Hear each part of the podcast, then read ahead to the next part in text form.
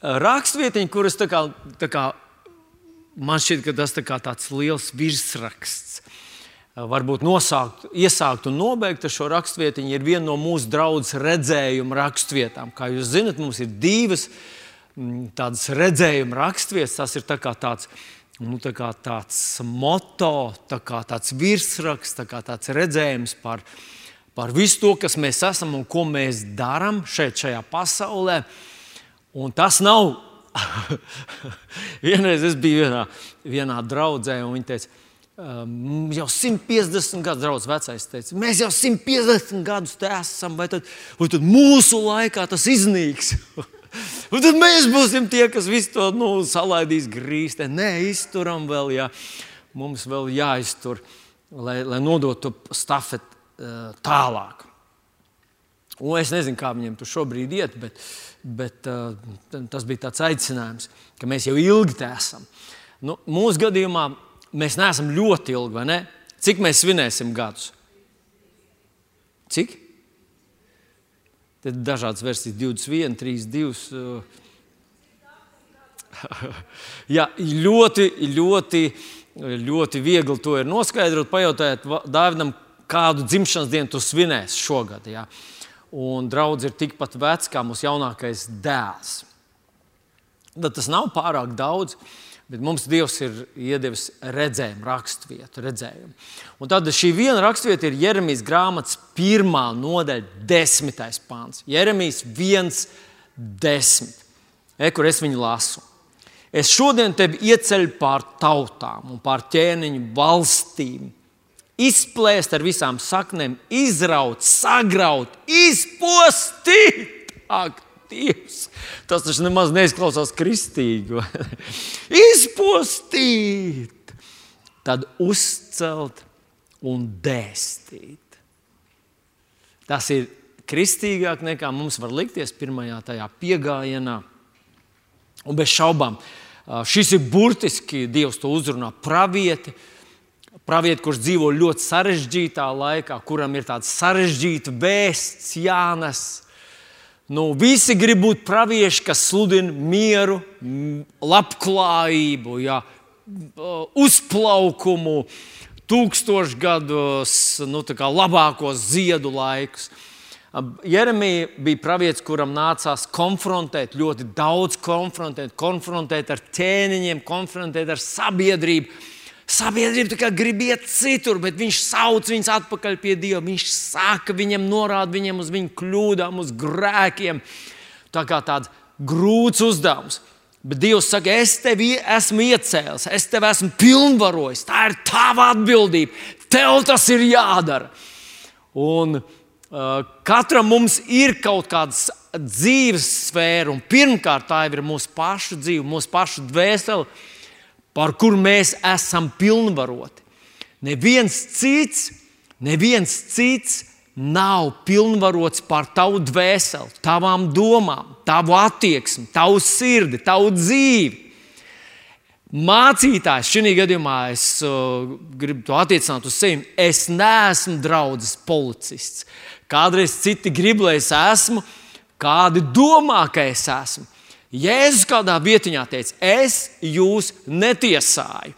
Mans vārds, ko esmu izrunājis, tiesās jūs, bet es jūs netiesāju. Un šī gadījumā arī es gribu pateikt, mīļais draugs, Vilnis tevi netiesā.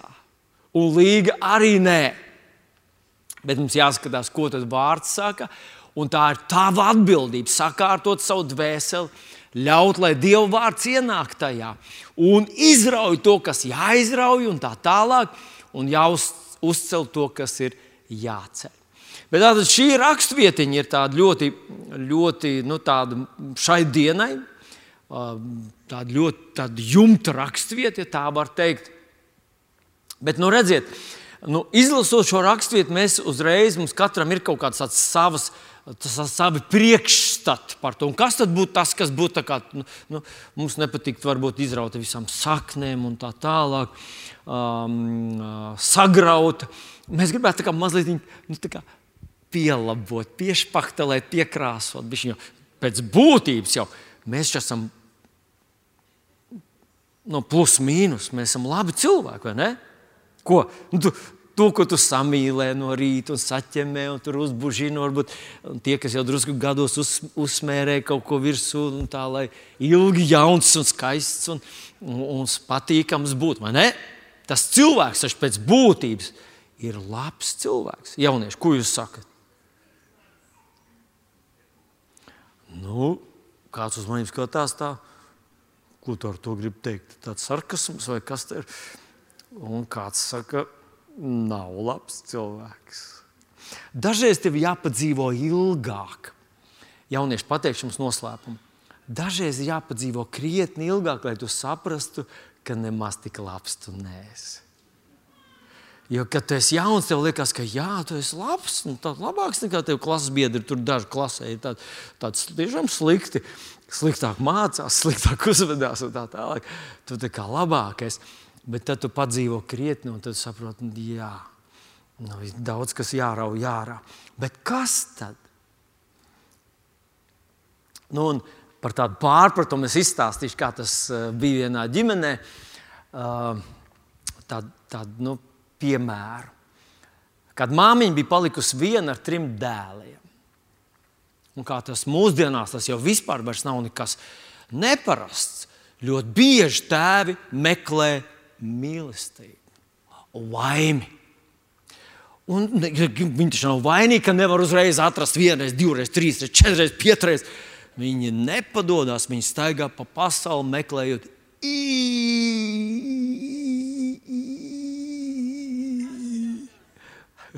nu, Vārtskot, mūsdienās jūs jau zinat tās reālijas. Es esmu druskuļi atlaidies no Amerikas nu, tikai vienu dienu atpakaļ. Tāpēc, ja es aizķeros kaut kur, lūdzu, neņemiet to. Nu, ne, nedusmojieties. nu, tā tad māmiņa palika viena ar trim dēliem. Viņi smagi strādāja, lai uzaudzinātu puikas, lai dotu viņiem mīlestību, lai, lai apgādātu viņus un lai izskolotu.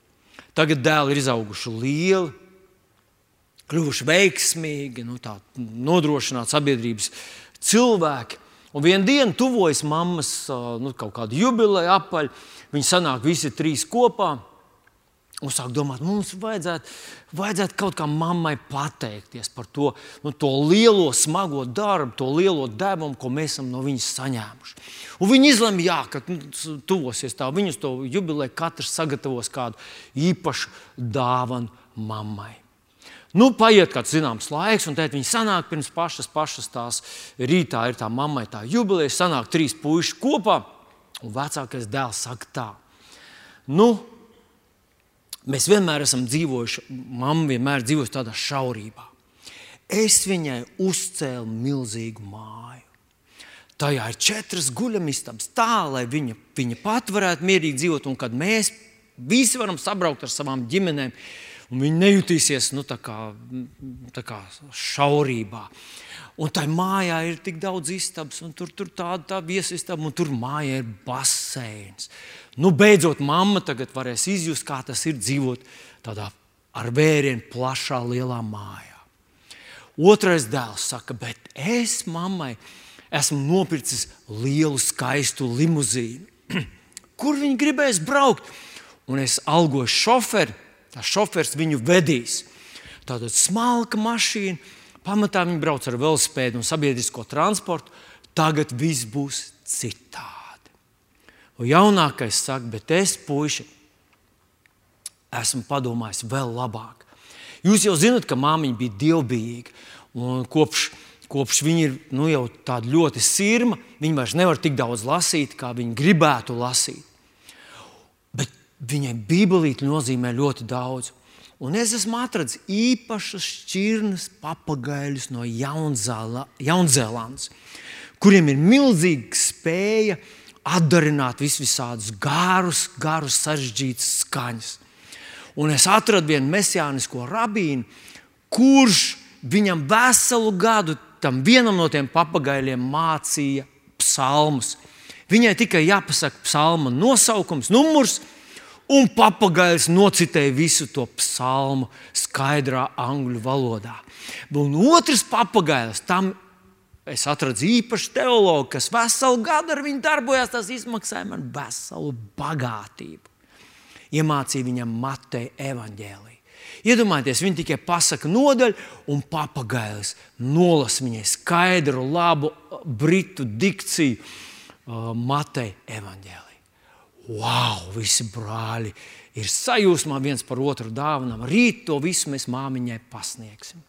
Pienāk jubileja, vecākais saka, māmiņa, mēs šodien te pārvedam uz lielu māju. Otrais dēls saka, māmiņa, turpmāk tev pie mājas, kad vien tu gribi, iz, piezvan par šo numuru, piebrauks limuzīns un šofers tev aizvedīs, kur vien tu gribi.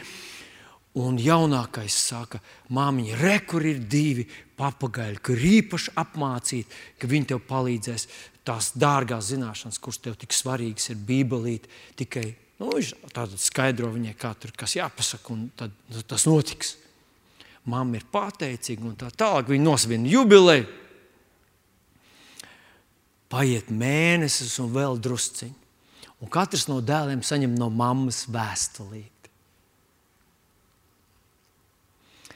Vecākais saņem mīļais dēls. Es tev ļoti pateicos par tavu lielo, dārgo dāvanu, milzīgo māju.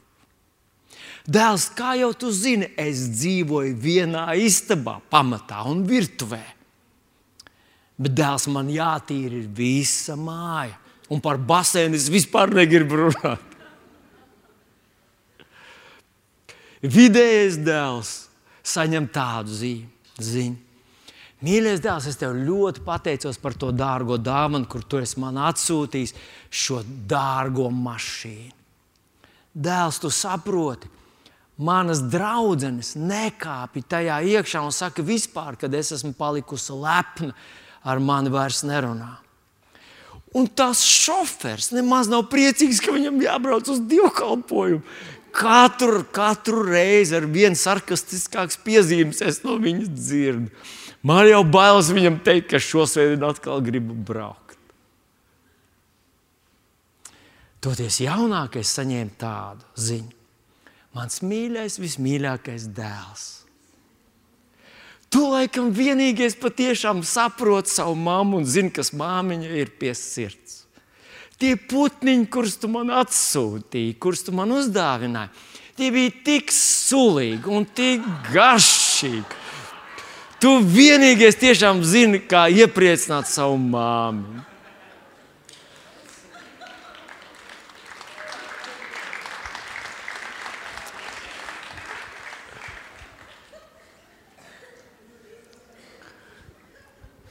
Zināt, nu, mēs varam pasmieties par tādiem pārpratumiem, kas radās šajā situācijā.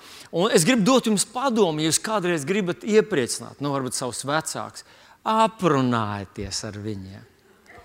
Pājautājiet, nu, kas ir tas, ko jūs gribat uzdāvināt. Jo dažreiz tie mūsu priekšstati tik ļoti atšķiras. Un īpaši, ja, ja paudžu tās starpība ir paliela un dzīvē ir dažādi posmi. Bet, protams, ka mūsu mammas un mūsu tēvi arī ir izdarījuši lielu darbu mūsu dzīvē, un to vajag novērtēt.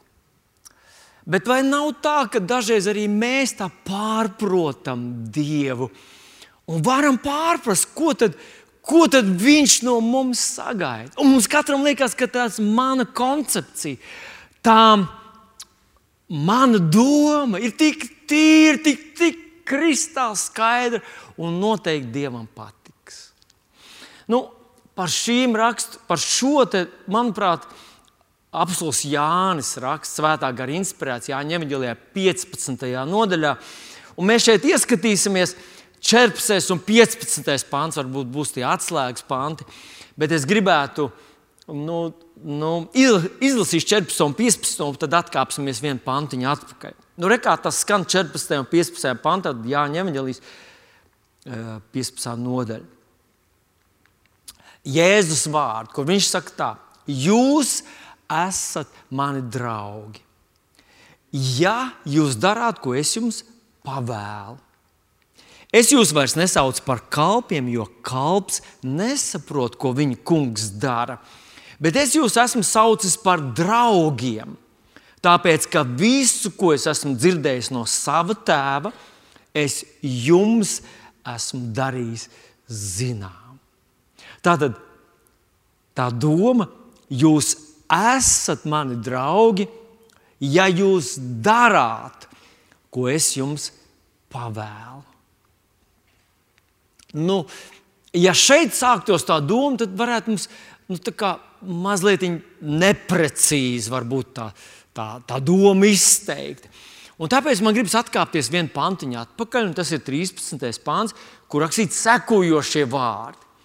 Nevienam nav lielāks mīlestības kā šī, ja kāds savu dzīvību nodod par saviem draugiem. Un tad tas tālākais ir tas, ko mēs tikko lasījām. Jūs esat mani draugi. Tad faktiski Jēzus saka mums, ka Viņš ir mūsu draugs, jo Viņš savu dzīvību par mums ir devis. Tas ir tas, ko Viņš ir izdarījis par tevi, mīļais mans brāl un māsas. Jēzus deva savu dzīvību. Viņš saka, ka nav lielākas mīlestības par šo. Nav iespējams vairāk mīlēt tevi, kā Jēzus tevi mīl. Viņš deva savu dzīvību par tevi. Tu neprasīji, nebija pelnījis, tu neesi nekāds mīļais bērns. Dievs ir mīlestība, tāpēc viņš to izdarīja. Bet raugoties uz Jēzu, bez šaubām, tas, nu, tas ir, liekas, ir saprotami. Bet padomā par tiem cilvēkiem, kas daļu savas dzīves noliek par mums. Nu, piemēram, tie, kas no rīta kalpo mums. Nu, es šorīt um, agrāk izgāju pa foyer un skatījos ārā uh, mūsu pagalmā. Cilvēki jaunieši, kas noslaucīs solis, tu gadījumā apsēdīsies tur ārā uz tiem soliņiem. Kāds šorīt tos noslaucīja, kāds sakārtoja tur pa, kaut kādas lietas, tur ārā nebija kārtībā. Un kāds bez maksas, bez algas atbrauca laicīgāk, sakārtoja to, nu, lai, ja gadījumā tev gribēsies to izmantot, lai tur viss būtu kārtībā. Tie, kas brauc no, no es šorīt dzirdēju, no Sigūdas atbrauc ģimene, ar bērniem jau laicīgi. Jau, es es ne, nepateikšu precīzi, vai ap deviņiem tas bija, vai bija pirms, kas atbrauc šurp un jau kafejnīcā gatavoja ēdienu. Lai tad, kad pēc dievkalpojuma tu gribēsi, nu, pieņemsim, pieņemsim, ka tu gribēsi. Un zinot, ko? Nu, šajā ziņā man šķiet, mēs bijām vairākās draudzēs Amerikā, un mēs bijām konferencē. Nu, ne visās, protams, es nevaru teikt, ka visā Amerikā tas tā ir, bet tajās, kurās mēs bijām, nevienā nebija tāda līmeņa ēšanas draudzē. Nekur. Tu vari kafiju varbūt dabūt. Kaut kur tā kafija tiem, kas pirmoreiz bija pa brīvu, bet pamatā bija jāiet kaut kur citur ēst. Un tādā ziņā tie cilvēki nesaņem algu. Viņi atbrauca, viņi daļu savas dzīves deva. Ja gadījumā tu gribēsi noiet lejā un paēst, lai tev būtu ko paēst, lai, lai tu varētu ar saviem bērniem apsēsties šeit pat un, un, un vienkārši tādā ģimenes lokā, draudzes locekļu, draugu lokā, lai tu varētu nu, ieturēties, kāds atdeva daļiņu savas dzīves. Tā ir mīlestība. Dažreiz mēs gaidām mīlestību, ir kā asaras un, un, un, un ziedi un nezinu, pie kapa. Bet labāk izdarām to nu, kamēr vēl neesam miruši. Ko, ko tas līdz, kad tev nu, tur visi sveic pie kapa, ka tu to vairs nedzirdi. Nu, mirušie neklausās, mīļie draugi. Ir par vēlu kaut ko tādu. Labāk darām to. Un vispār visā šajā draudzē, visā šajā lielajā draudzē ir cilvēki, kas kalpo uz maiņām, jā, brauc no, kā mēs jau dzirdējām, Mēs būtu pārsteigti, cik eh, liela cilvēku grupiņa brauc no tālienes šurp, lai pakalpotu. Tā ir mīlestība. Pasaka, tā ir mīlestība. Un Jēzus saka, ka nav lielākas mīlestības, ka tu atdod daļiņu savas dzīves, atdod savu dzīvību par saviem draugiem. Un tad viņš saka tālāk to, ko mēs jau lasījām. Jūs esat mani draugi, ja jūs darāt, ko es jums pavēlu. Vai tu gribi būt Jēzus draugs? tā nav verdzība, tas nav nu, ievilināts kaut kur piesiets. Uh, nu, es nezinu, ka, uh, sasaistīts kaut kā, uzspiests kaut kas. Viņš runā par draudzību. Dievs allaž runā par draudzību, mīlestību. Attiecības ar Dievu ir brīvprātīgas. Tas nav kaut kas, ko viņš paģēra. Viņš varētu, Dievs varētu tevi padarīt par priekšzīmīgu, dedzīgu kristieti. Viņam vajadzētu paņemt, izgriezt tavas rokas, viņam vajadzētu piedraudēt tev ar kaut ko. Un, un parādīt savu spēku, un mēs skrietu visi, vai dieniņi drebēdami, drebēdamais sajūsmas. Ja. Mums mati stāv, mēs ir nosirmoti, ja viņš parādītu savu dusmu, kaut kādu uz izvirdumu, un mēs skrietu un kalpotu. Bet viņš to nedara. Viņš, viņš sagaida no mums mīlestību, un es saprotu, ka viņš to mūsos ir ielicis. Redz, kad Dievs radīja cilvēku, viņš neradīja šimpanzi, kurš evolūcionēs mazliet. Viņš neradīja dunduku, kuram iestāstīt kaut ko. Viņš radīja cilvēku pēc savu ģīmu līdzības, dievu klasē. Tu tāds esi. Un tavas attiecības ar Dievu, viņam būtu jābūt brīvprātīgām, ka tu izvēlies, ka tu, tu sevi, sevi pieliecies, lai kaut ko darītu. Tu dari to, jo tev attiecības ar viņu ir nozīmīgas. Ta, tas ir tas, kas, kas ir jāsaprot. Tevī tas ir. Tu tas esi. No Dieva skatījuma, tu tas esi. Jautājums, vai, vai, vai tu to vēlies darīt? Bet man radās tā doma, jūs esat man draugi, ja jūs darāt, ja jūs darāt to, ko es jums pavēlu. Bet ja mēs nedarām to, ko Viņš mums pavēl? Nu, ja mēs nu, nu nedarām, nu, kaut kādu iemeslu dēļ nedarām. Ziniet, Allaž, kad mums apstādina policists par ātrumu pārsniegšanu, mums ir kāds ļoti nozīmīgs arguments, kāpēc mēs šoreiz pārsniedzām ātrumu. Jums, Nu, es, es nezinu, vai jums tā ir vai nav. Man vienmēr ir. Un, un, vien, un, un kādreiz es reāli steidzos uz dievkalpojumu. Un es saku, es Dievu darbā. Nu, tā es nesaku tieši policistam, bet, bet nu, man ir kāds. Vai kādreiz es esmu kādreiz pārsniedzis atļautu ātrumu, steidzoties uz bērniem. Vienreiz aizbraucu nepareizo kapliču, un, un tagad nu, stāvu un gaidu. Domāju, nu, nu, jaunais pāris kavējās, tas ir normāli, pareizi. Bet, kad nu, kavējās bērns, tad tu saproti, ka nu, tas vaininieks bija sen gatavs. Jau, ja? ka, kas paliek, kāpēc mēs. Un tad izrādās, ka citā kapličā, un tad, protams, es uh, lecu mašīnā un braucu cik vienā ātrā atļauju visas tās satiksmes. Un, ja man tajā brīdī būtu apstādinājis policists, tad būtu teicis, ka tur mani gaida aizgājējis, ja viņš grib iet mājās. Un, nu, es nevaru kavēties.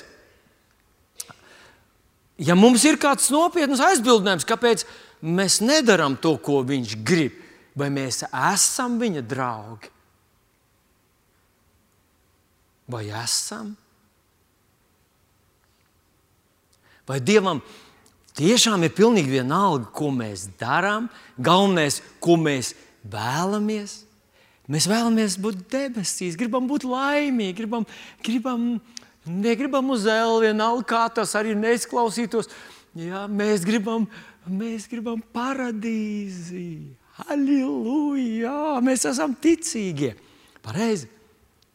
Bet, ja mēs nedarām, nu, ļaujiet man pāris rakstvietiņas jums pastāstīt, kas ir, kas ir nu, Bībelītē uzrakstīts. Un, teiksim, Jāņa 4, Jēkab 4.4. Laulības pārkāpēji cilts. Vai jūs nezināt, ka šīs pasaules draudzība ir Dieva ienaidība? Kas nu gribētu būt pasaules draugs, tas nostājas par Dieva ienaidnieku. Pasaules draugs kas gribētu būt pasaules, citiem vārdiem, tu esi vai nu dieva draugs. Jūs esat mani draugi, ja jūs darāt, vai tu esi pasaules draugs. Tu esi vai nu dieva draugs, vai pasaules. Ja tu esi dieva draugs, tad tev nav draudzības ar pasauli.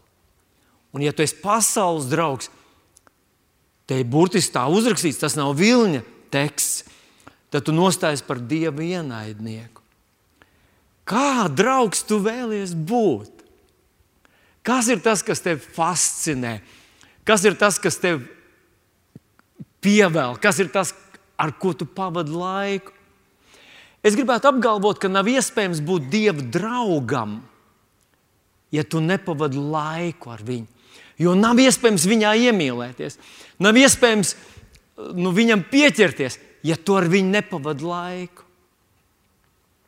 Kad es studēju Rīgas 4. medicīnas skolā, trīs ar pus gadus es studēju medicīnu, tad tajā laikā mums bija, es nenosaukšu konkrētākas viņas pazīmes, bet bija viena ļoti jauna skolotāja, kas mācīja studentiem. Un tad mm, gāja gads, divi, trīs, tad es dzirdēju, ka viņas kolēģis tur kādreiz runāja, ka viņa nevar apprecēties. Šī jaunā skolotāja nevar apprecēties. Ļoti simpātiska, gaiša skolotāja, laba skolotāja. Viņa nevar apprecēties, jo viņa vienkārši visa ir darbā. Viņai nav laika, kad satikt no tos, ko viņa potenciālos puišus, ar kuriem viņa varētu apprecēties. Viņai vienkārši nav laika iemīlēties. Un, zinot, ļoti līdzīgi ir ar mums, kristiešiem, kas dzīvojam 21. gadsimtā. Mums ir mūsu lielākā mīlestība, lielākais dārgums, mums ir mūsu lielākā nu, jēga mūsu dzīvē. Bet mēs neesam viņā iemīlējušies, jo mums nav laika ar viņu pavadīt laiku. Mums nav laika viņu iepazīt.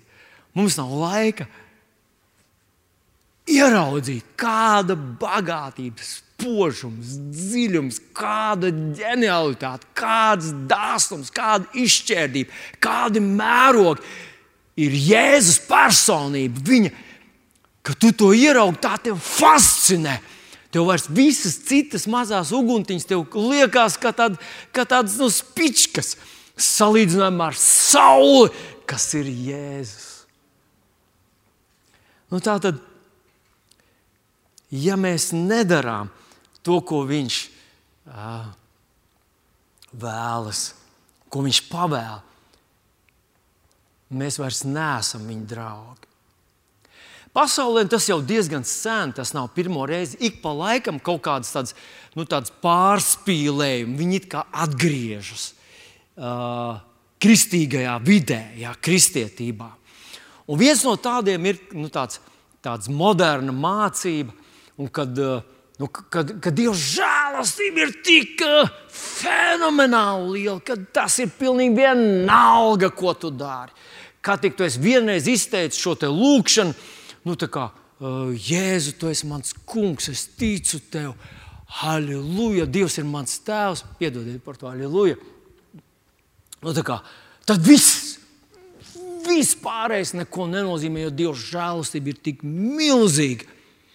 Nu, kad, kad, kad ka tu esi glābts un viss, un tev pieder viss. Tur neko nevar nopelnīt, tu neko nevar izdarīt, tu neko nevar vispār tādēt, neko tu nevari. Tāpēc neko labāk nedari.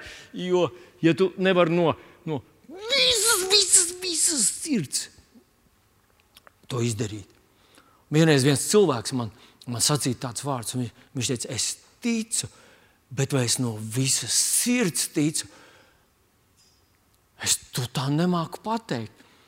Un man ir jāpasaka, cilvēks ir tik ļoti dziļa būtne, ka brīžiem, brīžiem mēs nevaram īsti to savu dibenu, no to savu iekšējo personības dziļumu. Mēs nemaz nevaram uzreiz viņus sagrābstīt, aptvert.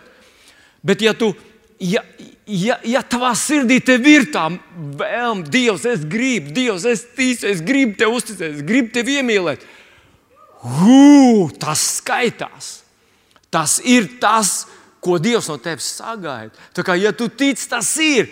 Un tev ticība pieaugs, ar vien vairāk tas lēnām pārņems. Atcerieties, Dieva valstība ir kā augs, ko kāda sieva iejauc nu, mīklā, un tas augs lēnām pārņem. Tā tas notiek, tas ir normāli.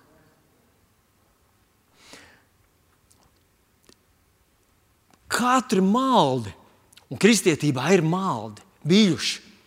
Bet katra malda nav kaut kur pagrābta no Marka un Leņķina kopotiem rakstiem, vai no budisma, vai no sātanisma. Malda ir viena patiesība, pārspīlēt, pacelt pāri visam. Tā nu ir tā viena kaut kāda Bībeles patiesība, pacelt pāri visam, izraisa tādu vispār harmonijas trūkumu. Ja šalom ir harmonija, tad maldi paņem vienu lietu, vienu vai otru lietu. Kādreiz tas dzirdējis, ka desmitais. Būtībā bija, tā, bija tāds laiks, kad ir tādi skolotāji, kas šobrīd viens no viņiem publiski atteicās no tā. Viņam bija tāds, ziniet, tāda mācība par to, ka ja tu dod desmito, Tu vari būt šitāds vai tāds, bet pēc būtības desmitais nozīmē, ka tu esi glābts, viss ir kārtībā, svētība guļ par tevi, tu esi nu, uz mūžiem drošībā. Un tad paiet gadi, un viņš saka, hei, es pārspīlēju, desmitēm ir nozīme, bet es konkrēti to pārspīlēju tajā vietā. Un šīs super žēlastības, tā žēlastība ir milzīga. Tā jēzus žēlastība mūs izglāb. Mēs tiešām nevaram neko izdarīt, lai Dievs mūs vēl vairāk mīlētu.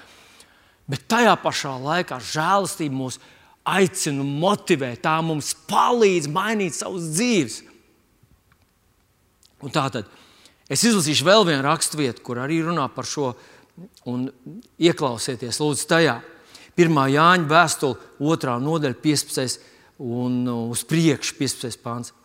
Nemīlējiet pasauli, nec to, kas ir pasaulē. Ja kāds mīl pasauli, viņā nav tēva mīlestības. Jo viss, kas ir pasaulē, miesas kārība, acu kārība un dzīves lepnība, tas nav no tēva, bet ir no pasaules. Nemīliet pasauli, nevis to, kas ir pasaulē.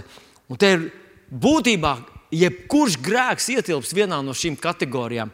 Tā ir miesas kārība, acu kārība vai dzīves slepnība. Tās nav no tēva, tās ir no pasaules. Pasaule iznīkst un viņas kārība. Es piedodiet, ka es tā pār, pārtraucu lasījumu, bet Tā doma pasaule iznīkst un viņas kārība. Lietas, kuras mēs iekārojam, par kurām varbūt atdodam savu dzīvi, varbūt mēs samainām pret šīm lietām, kuras iekārojam, samainām dieva aicinājumu. Mēs neejam dieva aicinājumā, mēs to atdodam šo laiku. Viss, kas mums ir, ir, ir uh, mūsu dzīves laiks. Mēs to atdodam, lai sasniegtu kaut ko no tā, ko esam iekārojuši. Pasaule iznīkst un viņas kārība, bet kas dara dievu prātu, paliek mūžīgi. Lasām tālāk, bērniņi ir pēdējā stunda. Un kā jūs jau esat dzirdējuši, ka nāk antikrists, jau tagad daudzi antikristi ir cēlušies. No tā mēs saprotam, ka ir pēdējā stunda. Gribu īpaši akcentu likt uz šo te, uh, 18. pantu. Bērniņi ir pēdējā stunda. Kā esat dzirdējuši, daudz antikristi jau ir. Pirms 2000 gadiem viņš saka, jau daudz antikristi ir cēlušies. Kā jūs domājat, ja jau toreiz bija daudz, vai šodien viņi ir palicis mazāk? Mēs kādreiz fokusējamies uz vienu cilvēku, kurš tur Jeruzalemē slēgs līgumu, tur viņš tur lauzīs to līgumu. Bet iespējams, ka visu mūsu kultūru, visu mūsu uzskats, visu mūsu stereotipus šodien veido simtiem un tūkstošiem populāru, atzītu, novērtētu, labi apmaksātu, labi koptu antikristu. Nemīlējiet pasauli, to, kas ir pasaulē. Pasaule iet bojā, pazūd.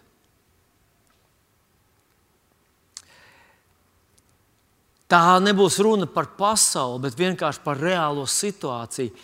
Un man gribas, lai tu ieklausies dažos ciparos, kurus man šķiet ir ļoti nu, vietā šeit, šajā brīdī pieminēt.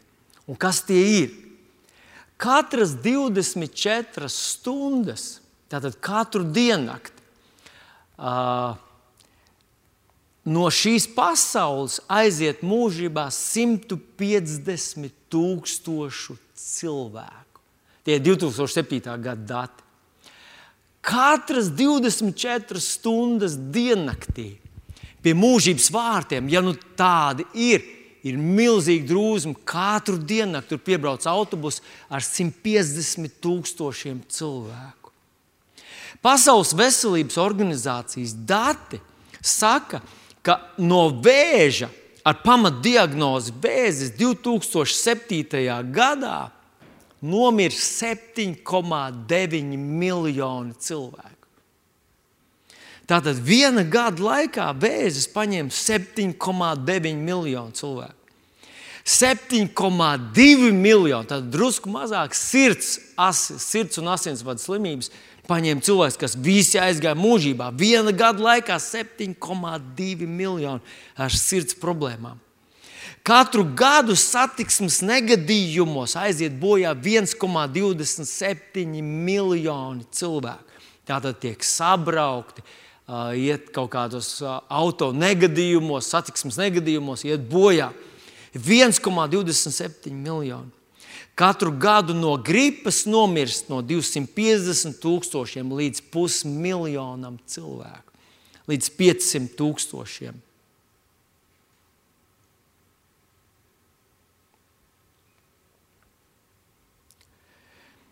Ap 100 tūkstoši cilvēku um, Interesanti paklausīties šo ciparu.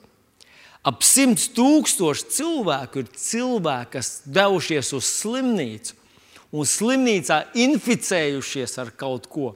Un pēc tam tiek ārstēti no tās infekcijas, kur viņi iegūta šajā veselības aizsardzības iestādē.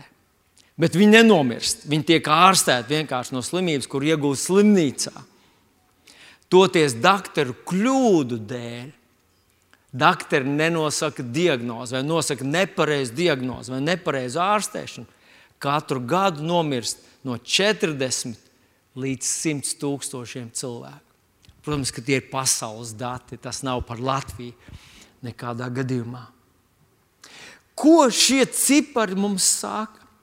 Šie cipari mums saka, ka dramatiskā veidā, un es kādreiz parēķināju, ka ja Izraela tauta bija tūkstnesī un tieši 40 gados nomira, vismaz pusotrs miljonus cilvēku, tad mēs Latvijā mirstam ātrāk nekā toreiz Izraēla tauta tuksnesī. Cilvēkiem viņu dzīves, iespējas, tas laiks, kad viņi varēja darīt kunga Jēzus prātu, kad viņi varēja kaut ko darīt attiecībās ar Dievu.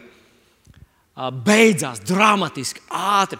Lielākā daļa no šiem nomirušajiem cilvēkiem aiziet mūžībā bez Kristus, bez glābšanas, bez jau kādas cerības uz viņu, atraidījuši viņu. Es esmu pārliecināts, ja tie ir 2007. gada dati, tad 2022. gadā šie cipari ir tikai auguši. Ko tas man liek, kādas secinājumus izdarīt?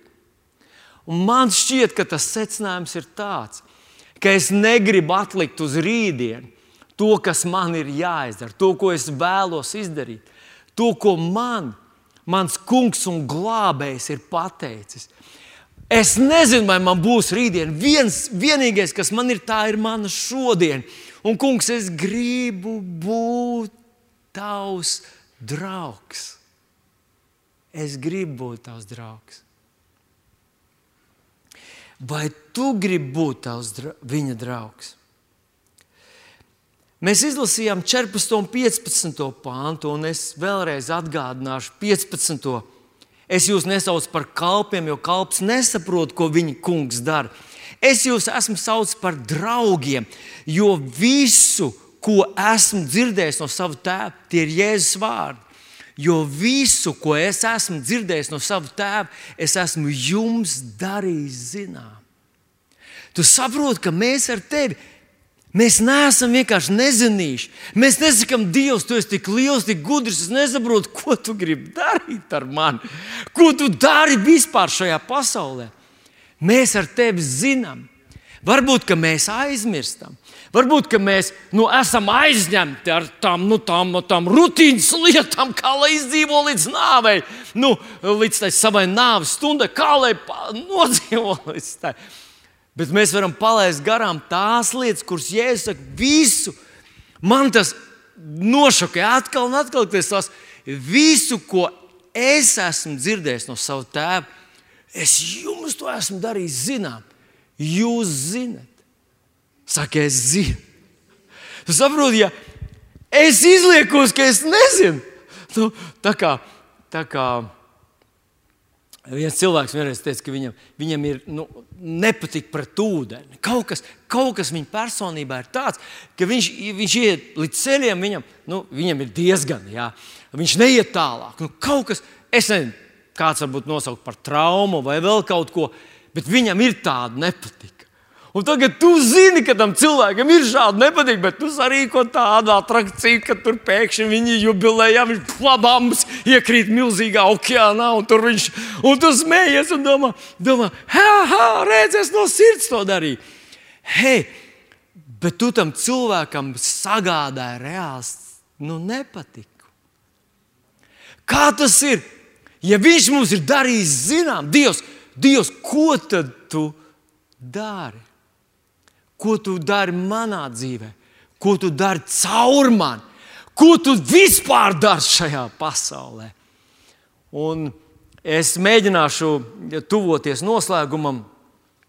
Es gribu atgādināt rakstvietiņu no Marka Evanģelija 1,15, kur es savilku kopā, ko tad Jēzus darīja šajā pasaulē. Viņš saka, laiks ir piepildīts, Dieva valstība ir tuvu atnākusi, tas, ko Jēzus sludināja. Atgriezieties no grēkiem un ticiet uz evaņģēliju. Tie ir Jēzus vārdi. Viņš atnāca mūs atbrīvot no grēkiem. Nevis, nevis no, mēs nopērkam indulgenci, atļauj grēkot. Jā, es, jūs, es samaksāju par visiem jūsu grēkiem, arī par tiem, ko uz, uz priekšu. Tāpēc grēkojiet uz nebēdu. Būtu vajadzīga tikai nu, viena nodaļa Bībelē, pareizi. Un, un visa pasaule aplaudēt par, nu, par, par, par tādu. Tādu Jēzu, Jā, Jēzus, kurš saka, dari kā tev izdevīgāk, dari kā tu gribi, dari kā tev labāk jūties, dari, dari kā. Nu. Es dzirdēju, ka kādas porno lapas ievadiņā ir rakstīts tā, šeit, šajā lapā, atrodas cilvēki, kas ir Angliski skan open-minded. Varbūt nebija perfekta izruna. Tie, kam ir atvērts prāts, tie, kas neļaujas sev ierobežot kaut kādās kastēs, tie, kas ir brīvi savos uzskatos, tie apmeklē šo porno lapas pusīti. Izklausās tā ļoti, ļoti labi, vai ne? Izklausās pareizi, nu, taču mums nepatīk kastes, mēs esam brīvi. Vai viņi ir aizmirsuši, vai, vai viņi nevēlas, lai mēs atceramies, ka cilvēks ir ļoti ierobežota būtne. Un viņam visu vajag zināmās robežās, viņam vajag robežas. Katram medikamentam, labai zālē, viņa ir veselīga robežās no līdz. Arī ēšana, tikko es biju Amerikā un redzēju, ka viņiem vajadzētu robežas kaut kāds novilkt. Viņam, manuprāt, robežas ir vēl paplētušās, vēl lielākas. Es biju gadus atpakaļ, un tur bija jau nu, tā, redzēju, nu, jā, jā, cilvēki labi dzīvo. Tagad ir cilvēki ļoti gari. Vien, vien bija meitenīte, dzīvo viesnīcā, strādāja portugānieti. Viņa bija apmēram tāda, man liekas. Nu, tā, tā, tā. Ir cilvēki, kas ir tādi, un ir cilvēki, kas uz visām pusēm. Mēs esam ar atvērtu prātu, bet, bet cilvēkam ir, ir labi. Nu, arī ēdiens, labs ēdiens, ir labi no līdz, kad iet pāri robežām. Cilvēks guļ no līdz, tad ir veselīgi. Cilvēks, ja, ja skrien bez robežām, nu, mēs zinām, tas ir vispārīgi atzīts, ka olimpiskais sports veids ir šausmīgi traumējošs un destruktīvs cilvēki nodzenās, viņi tur sapelna mirklīt, un pēc tam Pēc tam ir šausmīgs, sāpīgs vecumdienas, sabojāts locītājs, nodzītas sirdis un tā tālāk. Cilvēkam vajag robežu. Dievs viņu ir, nu, vai, vai varbūt tas ir, nu, mēs šobrīd atrodamies tādā situācijā.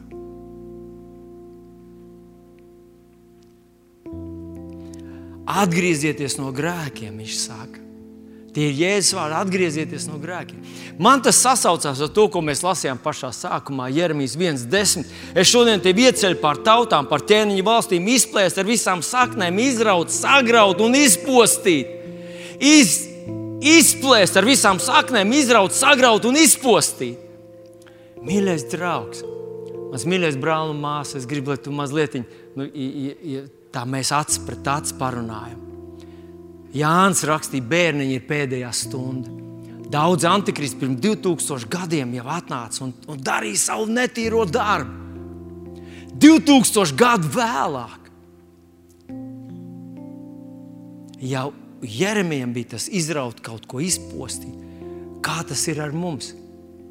Mēs šodien esam uzauguši sabiedrībā, kur, kura ir ir tūkstošiem gadu ietekmēta no Lucifera filozofiem, no Lucifera uh, visādiem tur uh, polit, uh, nezinu, propagandas un tā tālāk. Un tā tālāk. Cik mūsos ir to nezāļu? Vai mēs apzināmies vispār? Vai mēs vispār saprotam, cik mūsos ir nezāļu? Ziniet, kā tu vari zināt, ka tev ir kaut kas aplams, ka tu lasi Bībeli un tev tas izraisa kaut kādu pretenziju? Nu, piemēram, par svētumu, par, par laulības svētumu, par mīlestību uz Dievu, par to, ka viņa dēļ tu vari atteikties no kaut kā un uzupurēties savu draugu dēļ. Šodien tas, tas liekas druskuļi, jā, jā, mazliet jau var, bet, bet nu, nevajag jau pārspīlēt ne ar ko. Un, manuprāt, Mēs nemaz nenorožam, cik daudz esam iezīduši ar mātes pienu, varbūt iezīduši no, no skolām, iezīduši no sabiedrības, no filmām, kurās tagad ar milzīgu leikām iekšā lej mūsu dvēselēs, visas tās jaunās, destruktīvās, ša, nepamatotās, open-minded filozofijas. O, oh, nē, mēs jau neesam tādi, kā bija Bībelē rakstīts sen, mēs esam modernais cilvēks. Modernais cilvēks slimo ar slimībām, ar kurām tas senais cilvēks neslimoja. Modernais cilvēks jūt prātā, tur tas senais cilvēks nejūka prātā. Modernam cilvēkam ir tādi resursi nogalināt, un viņš nogalina tā, kā senie cilvēki to nedarīja. Un tāpēc tas viens no, viens no uzdevumiem, kuru Jēzus atnāca un dara šeit, viņš saka, man vajag kaut ko no tevis izraut. Kaut ko vajag tavos uzskatos izpostīt. Kaut kas tur ir pilnīgi aplams, galīgi garām. Es gribu, lai tu saproti, ka, ka nesājot to, akceptējot to, tu nevari. Viena no tām ir neticība. Viena no tām ir, ne, kur mums mācīja no pirmās klases, un varbūt es tā uzreiz nemāku atmaskot, kā tas ir. Bet iespējams, ka viens gudrs Dieva vīrs kas druskuļi papētīt tās lietas, pateikt, ka katrā mācības stundā tevi iemācīja neticēt, neticēt, neticēt, uzticies tikai tam, ko tu vari pataustīt, pagaršot, iekost un sagramstīt. Un viss! Un mums tā ir jādabū no sevis ārā. Tas ir patīkami, dažreiz nē. Dažreiz varbūt tev tas liekas sāpīgi, Vai tad mēs neesam Jēzus draugi? Mēs taču gribam. Mēs taču ļoti gribam darīt to, ko viņš grib, to, ko viņš pavēlē. Un viņš saka, es gribu no tevis dabūt ārā dumpi, es gribu no tevis dabūt ārā egoismu. Es gribu izraut ar visām saknēm to kalpošanu, liekšanos bāla priekšā, naudas priekšā, šo baili par rītdienu. Atcerieties to lūgšanu, kur Jēzus mums atstāja. Mūsu dienas jau maize dod mums. Šogad mēs gribētu lūgt. Mūsu dienas jau maize dod mums šogad. Par nākamā gadu mēs vēl neuztrauksimies. Bet Jēzus teica, šodien. Ja tev ir šodien, tu esi pateicīgs. Nezūdieties par rītdienu. Rītdienai pašai būs savas problēmas. Esiet pateicīgi, veidojiet attiecības ar mani. Viņš grib šīs lietas dabūt no tevis un manis ārā. Un dažreiz tas ir sāpīgs process, dažreiz tas prasa laiku, dažreiz tas ir, tas ir pret to, kur tu esi uzaugusi un kāds tu pēc būtības esi. Vai tu apzinājies visas savas traumas, es lieku pēdiņās to vārdu traumas, kas tev, tavā personībā ir? Kāpēc tu rīkojies tā, kā rīkojies, vai domā tā, kā domā, vai attiecies tā, kā, vai met ārā cilvēks, vai pārsvītro, vai dusmojies, vai rīkojies dusmās tā, kā tu rīkojies. Varbūt tas ir kaut kas, ko Dievs grib no tevis dabūt ārā. Kaut arī tev liekas, ka tas ir pareizi, ka tā tas ir normāli. Un tad nākšais viņš saka, ticiet uz evaņģēliju, tas ir Dieva vārds. Manuprāt, šie, šie divi procesi iet kopā. Tu nevari dabūt ārā, neielikt neko vietā. Nu, ar mums tā ir. Sviet, svēt vieta nepaliek tukša. Ja mēs, mēs atzīstam, Jāņa 8. nodaļā, ja es saku par saviem mācekļiem, viņš teica, ka um, jūs esat mani mācekļi, ja jūs paliekat manos vārdos, jūs atzīsiet patiesību, un patiesība darīs jūs brīvus. Tāpēc Tāpēc ir tik svarīgi, ka mēs atnākam uz divkalpojumu, nevis noklausījāmies no nu, anekdotu un pēc tam druskuļi tā kā jau tādā dreifā ieslīdējām, bet mēs mēģinājām palikt tajā. Ka mēs mēģinām saprast to, mēs palikt viņa vārdos, lai mēs atzītu to patiesību. Un patiesība mūs atbrīvot no mums pašiem, no tām traumām, no tām visām tām lietām, tām demoniskām lietām, kas jau 2000 gadu atpakaļ sākās, tie antikristi sākās. Un tas ir progresējis. Tik tālu progresējis, ka mēs šodien vispār nespējam aptvert, cik liels, cik milzīgi augsts ir melu piesārņojuma līmenis visā, ko mēs domājam. Un vienīgā patiesība ir Dieva vārdā. Gribēju parādīt Bībelīti. Tāpēc mans mīļais brāl un māsa, mans mīļais draugs, Es gribētu, lai tu pieņem savā sirdī lēmumu, ka tu būsi Jēzus draugs. Viņš tev ir darījis zinām, un tu to centīsies paturēt prātā. Tu centīsies darīt to, ko Jēzus dara. Viņš ceļ savu draugu, viņš ceļ tevi. Viņš grib, lai tava personība mainās. Nevis lai tu vienkārši ar rokām kaut ko mehāniski izdari. Viņš grib, lai tur iekšā dziļumā izmainās. To sirdi viņš izmainīja pats. Tas bija pats svarīgākais. Bet viņš grib, lai tu izmaini savu dvēseli, savus uzskatus, savus domas, savus attieksmes, savu skatījumu uz pasauli, savu skatījumu uz visu to, kas notiek, un līdz ar to arī savas reakcijas. Vidējs, normāls cilvēks šodien baidās par ziemu, par cenām, par visu to, kas notiks. Mums ar tevi arī būs jāmaksā tās cenas, bet mums vajadzētu nebaidīties.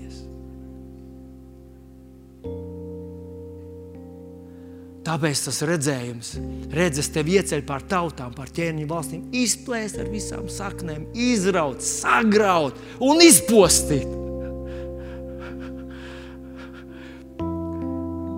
Tad uzcelt un dēstīt.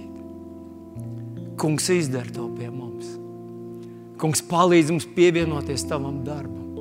Palīdz mums atsaukties, palīdz mums atvērties, palīdz mums sekot tev, palīdz mums nebūt aizmārsīgiem klausītājiem, palīdz mums būt darba darītājiem. Lūdzu, palīdz, lai šajā pasaulē es būtu tas cilvēks, kurš zina, ko mans kungs dara šeit, un darīt to draudzības vārdā, mīlestības vārdā mūsu derības vārdā, ar prieku, ar sajūsmu, ar apziņu, ka tā ir privilēģija piederēt Dievam, reprezentēt mūžīgās patiesības šajā mēlu pasaulē. Tev par godu un cilvēku glābšanu.